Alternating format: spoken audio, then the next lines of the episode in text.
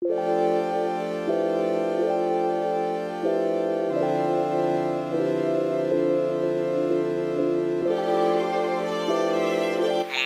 dari Jakarta, kota di mana susah senang semua ada, hal bodoh dan lucu patut ditertawakan bahkan didiskusikan. Dengan gue Ridi, yang akan nemenin lo ngobrolin mulai dari konspirasi dan propaganda yang serius, sampai hal receh yang bikin lo ketawa hingga meleleh.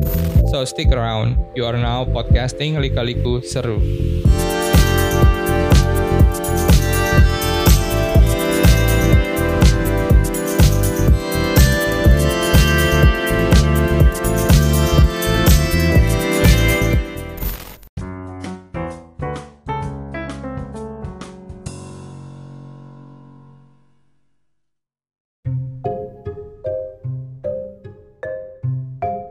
Assalamualaikum warahmatullahi wabarakatuh. Selamat datang di podcast kedua Lika Liku Seru. Jadi untuk yang episode kedua kali ini kita akan ngebahas satu topik yang lumayan serius.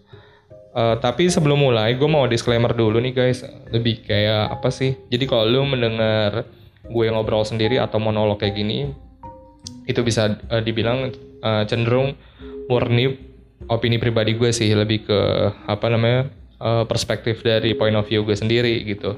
Jadi mungkin kadang-kadang mohon maaf agak cenderung subjektif. Tapi kalau ada yang setuju, ya nggak apa-apa, berarti kita sejalan atau sependapat. Tapi kalau ada yang nggak setuju, gue juga nggak benci-benci amat, biasa aja gitu. Karena setiap orang kan punya apa sudut pandangnya masing-masing gitu. Jadi kita akan ngebahas di episode kedua ini bagaimana sih industri media mainstream selama ini menggiring imajinasi kita agak agak serem ya topiknya bukan serem sih agak berat kedengarannya sih. Jadi tuh uh, kemarin tuh gue baru lihat dari satu media mainstream dari luar dari BBC cuman memang yang versi udah ditranslatein ke uh, bahasa Indonesia. Itu sebenarnya uh, menurut gue itu sebenarnya berita itu atau video yang dikemas itu adalah harusnya ya harusnya kalau nggak tidak dikemas seperti ini itu konteksnya wawasan atau pengetahuan. Kayak semacam uh, pengetahuan umum gitu, eh uh, pengetahuan alam. Itu ngebahas tentang killer wasp atau uh, tawon pembunuh. Serem banget sih dengernya tawon pembunuh tuh. Uh, denger dari kata killer wasp aja itu kita uh, seakan-akan nangkepnya adalah tawon itu memang hidup itu mengancam manusia gitu. Uh, atau uh, apa namanya? Uh, berbahaya banget gitu. Belum lagi pemilihan uh, kosakata pada headline-nya pertama Pertama itu kita akan bahas tentang kosakata pada headline-nya. Kosakata pada headline-nya itu uh, unik sebenarnya. Uh, mereka tuh bikin sesuatu yang eye catchy tapi agak mm, menakutkan sih. Soalnya uh, kosakata yang dipilih itu mereka bilang uh, kalau tawon pembunuh ini menginvasi Amerika Serikat. Sorry. Jadi uh, dari headline yang seperti itu tahun uh, pembunuh ini menginvasi Amerika Serikat itu tuh seakan-akan udah bikin satu proyeksi di mana uh, yang yang kebayang di benak orang-orang umum sekilas itu kan impressionnya adalah eh, tahun-tahun yang berbahaya ini menyerang satu negara gitu kan. Seakan-akan seperti itu. Jadi kalau gue sebagai masyarakat yang tinggal di Amerika Serikat hal pertama atau first impression yang gue tangkap adalah gue udah mulai rada waduh ini apa lagi nih? kan gitu. Udah gitu yang kedua adalah dia memilih kata uh, invasi invasi yang dipilih itu gue nggak tahu kenapa tapi gue berkesimpulan kalau kata invasi itu sebenarnya kayak memang ngambil momentum dari corona. Karena uh, lo tahu sendiri uh, di luar sana tuh di luar negeri sana di beberapa negara corona itu dijadiin bercandaan rasis. Jadi kadang kadang-kadang suka dibilang China virus uh, virus Cina yang nyerang negara A virus Cina yang negara nyerang negara B atau kalau gue orang Amerika gue akan bilang uh, China virus yang menginvasi Amerika gitu kan. Nah mungkin mereka mengambil uh, momentum menginvasi ini. Jadi so sehingga orang akan menangkap ketika baca headline. Waduh apalagi corona belum selesai masa gue mau diinvasi sesuatu lagi? Kayak gitu kurang lebih. Jadi bikin ada orang waduh ini apalagi nih? Akhirnya orang ngebaca kayak gitu. Uh, pemilihan kayak gitu tuh headline headline kayak gitu yang bikin kita waduh ini apalagi nih? Padahal kalau kita telusuri videonya di, uh, lebih dalam lagi. Nggak usah telusuri deh uh, lo perhatiin aja videonya sampai habis. Nggak usah harus di lo pelajarin lo teliti kagak usah. Itu sebenarnya uh, itu nggak ngebunuh ngebunuh banget gitu si tawon itu nggak ngebunuh ngebunuh banget. Kenapa? Karena uh, yang ketiga itu penulisan narasi yang dibentuk itu emang sedikit apa ya sedikit uh, sedikit bikin orang agak ketakutan sih. Pertama mereka ngomong ngasih statement membunuh 50 orang dalam setahun. Sekarang kan pertanya pertanyaan yang keluar ketika lu ngerasa diri lo kritis, lu baca satu kalimat itu aja udah agak bingung 50 orang dalam setahun tuh uh, di mana? Di Amerika Serikat perbandingannya 50 berbanding seluruh penduduk di Amerika Serikat gitu, which, which itu sebenarnya bisa sampai puluhan juta atau yang correct me if mungkin lebih dari itu. Atau 50 dibanding satu kota di New York City misalnya. Itu kan udah beda banget persentasenya gitu. Atau 50 dibanding dari satu RT di di New York City gitu misalnya. Itu kan udah beda banget gitu. Ketika 50 dibanding dengan satu RT New York City eh, satu RT gitu dia salah satu distrik lah misalnya gitu. Atau 50 banding satu RT dekat rumah gue gitu. Sama 50 banding satu uh, uh, satu negara se Indonesia itu kan tingkat persentasenya beda gitu. Sehingga yang ditimbulkan rasa ketakutannya beda tapi mereka sengaja menggantungkan uh, 50 ini nggak ada apa namanya nggak ada parameter lain gitu nggak ada perbandingan lain. Belum lagi kalau misalnya kita uh, head to head sama study case tentang kecelakaan lalu lintas apakah 50 ini semencekam itu maksudnya adalah ketika kita mau bandingin orang yang meninggal 50 dalam setahun gue nggak tahu perbandingannya uh, dari satu negara atau satu kota atau satu wilayah dibanding dengan uh, lim, uh, perbandingan jumlah orang yang meninggal kecelakaan dalam setahun, gua uh, mungkin gue bisa bilang sepertinya seandainya nih, seandainya 50 dari dari sekian puluh juta orang yang tinggal di Amerika sama orang yang meninggal di Amerika Serikat karena kecelakaan lalu lintas. Menurut gue itu pasti jauh lebih banyak yang kecelakaan lalu lintas sih. Tingkat kematiannya lebih tinggi uh, yang apa uh, orang yang meninggal karena kecelakaan lalu lintas. Jadi kan sebenarnya nggak fair kalau dibilang ini semenakutkan itu. Malah sebenarnya harusnya lebih menakutkan lo nggak tertib di jalan karena itu uh, fatality rate-nya lo bisa lebih tinggi dibanding dari si tawon ini kan gitu tapi kan berita ini dikemas supaya orang membaca, supaya orang mengklik, supaya orang tertarik, supaya orang agak sedikit, waduh apa nih gitu. Sedikit gaduh, ya minimal kalau nggak gaduh jadi bahan pembicaraan. Kayak gitu. Nah terus kemudian uh, yang keempat itu, emang sih uh, itu di BBC itu uh, dia penelitiannya melibatkan narasumber itu bagus sebenarnya di situ melibatkan ilmuwan uh, yang berhubungan sama si apa uh, tawon pembunuh ini si killer wasp ini. Nah, uh, beliau tuh bilang kalau di sini tuh uh, sekali lo kesengat tawon gitu, lo akan bisa uh, bengkak, bengkak. Si tawon pembunuh ini kalau kena akan bengkak kalau disengat dan bengkak itu akan memerah dan mungkin uh, akan bernanah gitu. Tapi kalau disengat berkali-kali banyak gitu berkali-kali itu racunnya itu nekrosis. Sorry. Jadi uh, racunnya itu si racunnya dari tawon ini bisa ke bawah sama masuk uh, masuk ke pembuluh darah ter, uh, beredar uh, sama darah yang kita bawa itu bisa menyebabkan kematian. Tapi kan pertanyaannya uh, apakah pertama apakah kita seluruh orang Amerika Serikat uh, akan melihat tawon ini di dekat rumah mereka gitu? seluruh penduduk Amerika Serikat akan melihat tahun ini dalam rumah mereka itu pertanyaan pertama. Kedua, apakah uh, seandainya melihat tahun-tahun ini datangnya bergerumun, ber, uh, berkerumun gitu banyak itu bergerombol. Yang ketiga, apakah orang akan selalu disengat berkali-kali ketika pun ketemu tahun ini gitu diam aja orang itu nggak berusaha lari atau berusaha melindungi diri dan membiarkan dirinya disengat berkali-kali kan gitu. Jadi itu sebenarnya kesimpulannya adalah uh, si ilmuwan ini juga dia tuh cara menyampaikannya juga memang edukasi gitu, bukan bukan hal yang dia nggak bilang mematikan. Mematikan itu memang the worst case-nya dia dia sampaikan itu uh, kas, uh, dampak terburuknya bisa mematikan kalau disengat sampai berkali-kali. Seperti itu. Cuman kan itu kan probabilitas yang sangat kecil. Nah, ini di sini di highlight kenapa mematikannya itu di highlight dan jadiin uh, overall idea dari semua berita ini gitu itu seperti itu sih sebenarnya jadi uh, itu kan bikin orang jadi nangkapnya itu jadi agak takut gitu kan. Terus kemudian yang kelima itu uh, tentang pemilihan kalau lu perhatiin pemilihan backsoundnya itu bener-bener uh, diracik dikasih yang agak tegang. Dibikin agak tegang terus sifatnya agak sedikit bersifat misterius gitu.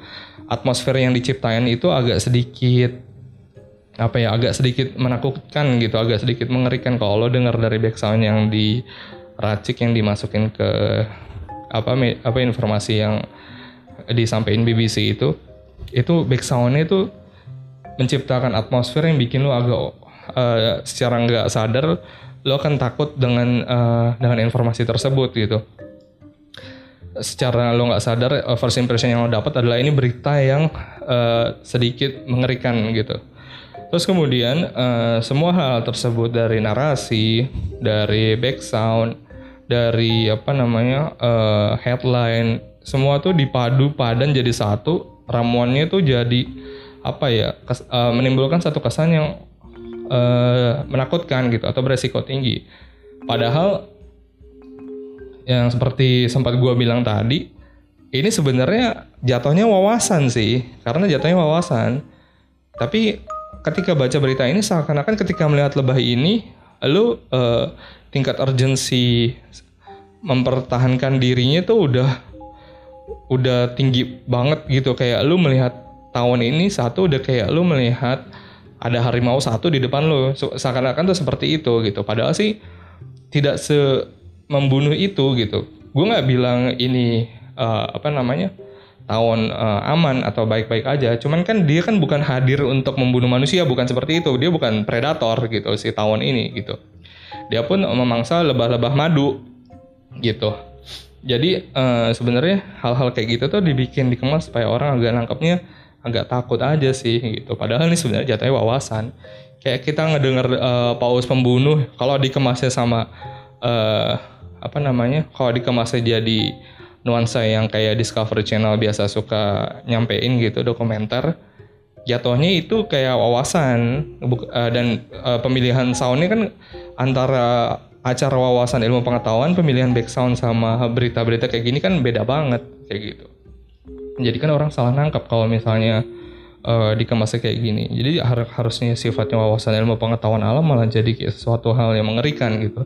Jadi uh, dan gue di situ bermuara pada satu kesimpulan kalau memang uh, gue punya prinsip kalau di media mainstream itu bad news is a good news. Makanya kadang uh, ketika ada live uh, talk show atau politikus lagi ribut atau berantem itu makin seneng tuh dibikin eh, pancingan-pancingan atau hostnya itu makin uh, beberapa stasiun TV itu malah makin senang bikin pancingan-pancingan yang makin ramai kenapa? Karena di media mainstream kayak gini kan uh, bukan rahasia umum lagi kalau misalnya ini tuh jatuhnya industri. Ada kapitalisasi di sini ada profit yang diambil dari dari seberapa banyak orang nonton dari seberapa banyak traffic atau rating yang diciptain kayak gitu mau nggak mau kita udah tahu uh, tentang hal itu. Terus selain itu ada satu lagi uh, media mainstream itu kan biasanya tergantung uh, bergantung sama ada yang mengontrol mengontrol uh, secara nggak langsung itu uh, kalau gue sih di sini uh, berkesimpulan kalau setiap media mainstream itu pasti ada satu orang atau sebagian organisasi petinggi negara atau mungkin kita sering dengar adalah elit itu mengontrol atau mengarahkan uh, informasi itu bermuara di sebelah mana melalui hal-hal tertentu kayak melalui uh, regulasi pemerintah. Jadi orang-orang itu uh, mengendalikan lewat aturan-aturan uh, tertentu atau melewati lembaga atau badan sensor sehingga informasi yang disampaikan uh, bermuara sesuai ekspektasi yang diharapkan sama mereka gitu. Ada dua hal itu sih antara dikendalikan sama sesuatu orang yang kita nggak tahu siapa orangnya yang elit eh, mungkin lebih tinggi jabatannya dari presiden dan semacamnya kita nggak tahu itu orang yang misterius atau uh, hal lain adalah yaitu profit gitu itu industri gitu ada keuntungan yang diambil gitu. Dari banyaknya traffic banyaknya orang yang baca itu ada keuntungan. Gitu. Jadi uh, banyak hiperbola sama metafor yang diciptain tuh dari dalam satu kemasan video yang harusnya bentuknya wawasan malah jadi serem itu. Banyak banget gitu yang ditaruh tuh narasi-narasi di situ yang bikin orang jadi tambah yang harusnya biasa atau oh ternyata ini makanannya lebay ya. Oh ternyata bisa bahaya juga ya. Tapi malah orang jadi bukan nangkap seperti itu nangkapnya kayak anjir nih kok ada di rumah gue wah ini nih gue harus panggil ini sih kayaknya harus siap-siap sih gue beli kain kasa beli apa segala bikin orang kayak gitu. Padahal sih ya bukan yang nih tawon nyengat terus langsung meninggal seketika kayak ular juga gitu kan kayak gitu kan sebenarnya. Nah sebenarnya itu baru contoh kecil sih. Gue ngambil uh, uh, ngambil study case dari yang paling umum dan paling aman sih untuk gue bahas. Itu dari uh, dari tawon pembunuh yang disajiin sama BBC nggak kebayang nggak uh, semua media mainstream yang udah kita lihat dari kita kecil sampai kita gede gitu kan seberapa banyak kita sadar nggak sadar kita diarahin ke mana kita akan ngambil kesimpulan ke mana kita akan bermuara atau mungkin uh, parahnya kita akan diarahin secara nggak langsung ke mana kita harus akan bertindak. Kayak misalnya yang paling sederhana adalah dari dari seremnya berita tahun pembunuh ini uh, secara nggak langsung orang orang-orang terutama mungkin orang tua misalnya yang terima informasi ini mungkin dia uh, bisa jadi uh, berita ini disebar ke WhatsApp WhatsApp WhatsApp grup uh, orang tua orang tua kita dan bikin mereka jadi uh, sedikit paranoid gitu. Misal buru-buru langsung beli kain kasa yang yang apa besinya agak tebel gitu. Oh iya satu lagi yang kelewatan. Ini atau ini paling besar itu uh, ratunya atau queen itu bisa mencapai ukuran kira-kira 5 cm. Tapi yang dibahas yang 5 cm doang, padahal yang kecil-kecil yang dibawa ini ukurannya termasuk uh, apa spesies besar atau raksasa katanya. Tapi yang dibahas itu yang di highlight itu yang 5 cm-nya, walaupun yang di bawah itu juga masih banyak gitu. Walaupun di, di, di antara rata-rata memang hitungannya gede sih. Ini tapi yang di highlight yang paling gedenya gitu kan. Jadi kan nambah lagi tuh kayak gitu-gitu bikin orang ketakutan. Kayak gitu. Nah kayak tadi balik lagi ke yang masalah orang tua orang tua kita. Bisa jadi mereka gara-gara WhatsApp grup uh, di forward eh, hal-hal seperti ini mereka akhirnya jadi uh, beli kain kasa, beli apa namanya itu kain kasa yang dari kawat, ditutupin lubang-lubang ventilasinya dengan itu. Karena mulai uh, agak panik kan sebenarnya itu nggak nggak harus harus juga untuk beli kain kasa gitu. Itu kan kayak gitu kan udah menciptakan uh, impact uh, suatu tindakan gitu dari sebuah informasi kayak gitu. Itu baru uh, again itu baru dari BBC Killer Wasp atau tawon pembunuh yang diciptain sama BBC nah terus uh, jadi uh, kesimpulannya adalah uh, paling uh, gue sih gue sih tipikal orang yang agak karena agak sih gue sih tipikal orang yang sulit percaya sama satu berita walaupun berita itu datangnya dari media-media yang udah cukup dewasa atau yang cukup lumayan terpercaya gitu. Kayak misalnya dari Metro TV, Kompas, TV One atau BBC, CNN kayak gitu-gitu. Gue agak walaupun berita itu fakta aktual gitu. Tapi gue uh, cenderung melihat cara mereka mengemasnya gitu. Mengemasnya itu uh, gue perhatiin juga gitu. Ada hal-hal atau kalimat-kalimat tertentu yang dipakai untuk menimbulkan uh, efek psikologis tertentu terhadap audiensi atau enggak gitu. Kalau misalnya dengan cara kayak gini berarti kan efek psikologis yang ditakut yang dimunculin kan ketakutan kayak gitu. Nah dengan ketakutan itu berarti ini orang uh, memanfaatkan industri kan gitu. Ya nggak salah juga sih karena toh itu kan uh, pekerjaan ya pekerjaan mereka juga gitu. Cuman uh, saran gue ya itu baru uh, level yang paling survei sih yang paling rendah gitu yang paling atas gitu. Jangan uh, mudah uh, apa namanya tergiring atau termanipulasi psikologis kita sama hal informasi yang kayak gini gitu. Yang paling yang parahnya sih intinya ya hoax itu sekarang tuh udah bias banget. Karena sekarang liarnya informasi itu menimbulkan pro dan kontra yang deep banget gitu. Yang itu kita sampai bingung itu mana yang benar mana yang salah. Gitu. Jadi uh, menurut gue sih uh, kuncinya adalah harus tetap stay curious about any kind of information that coming in gitu. Yang masuk ke kita tuh uh, kita harus uh, pertanyakan segala macam informasinya gitu.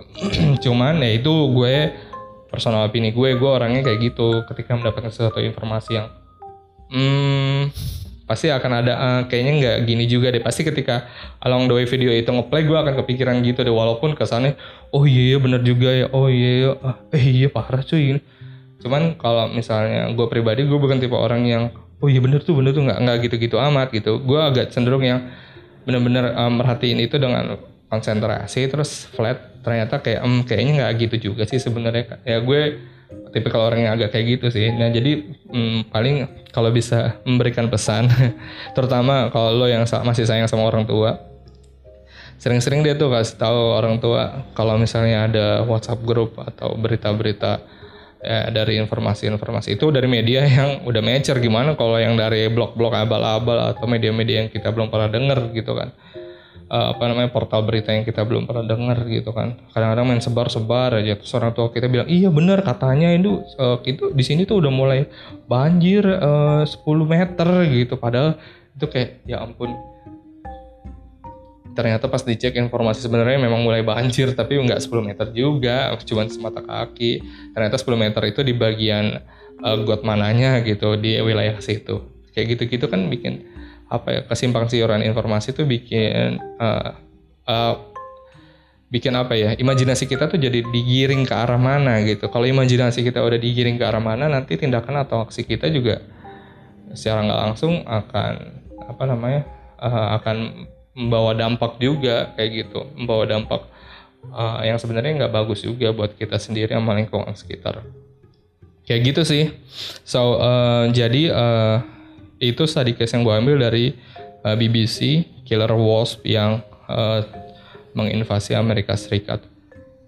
Cukup sekian. Uh, again, gue mau kasih tahu kalau sebenarnya ini uh, apa murni perspektif gue sendiri. Tapi kalau ternyata ada yang tidak setuju tidak apa-apa, nggak masalah. Atau ada kritik atau saran, gue udah mulai bikin Instagram sih. Mungkin bisa dimasukin di sana di komentar atau lewat DM juga nggak apa-apa. Atau nanti mungkin uh, gue akan coba uh, upload ini di YouTube nanti. Uh, tapi pelan-pelan. Yang pertama gue pengen coba konsistensi dulu kali ya guys. Oke okay, guys. Jadi segitu aja sih. Uh, mohon dukungannya supaya gue bisa uh, lebih cepat lagi produksi uh, untuk mengundang uh, terutama yang mengundang ini sih mengundang narasumber gue udah nyiapin uh, apa namanya topik-topik yang berhubungan sama narasumber-narasumber yang gue bisa bilang berani bilang kompeten sih di bidang itu. So uh, mohon dukungannya untuk tetap dengerin podcast Lika Liku Seru. Till next time. Assalamualaikum warahmatullahi wabarakatuh.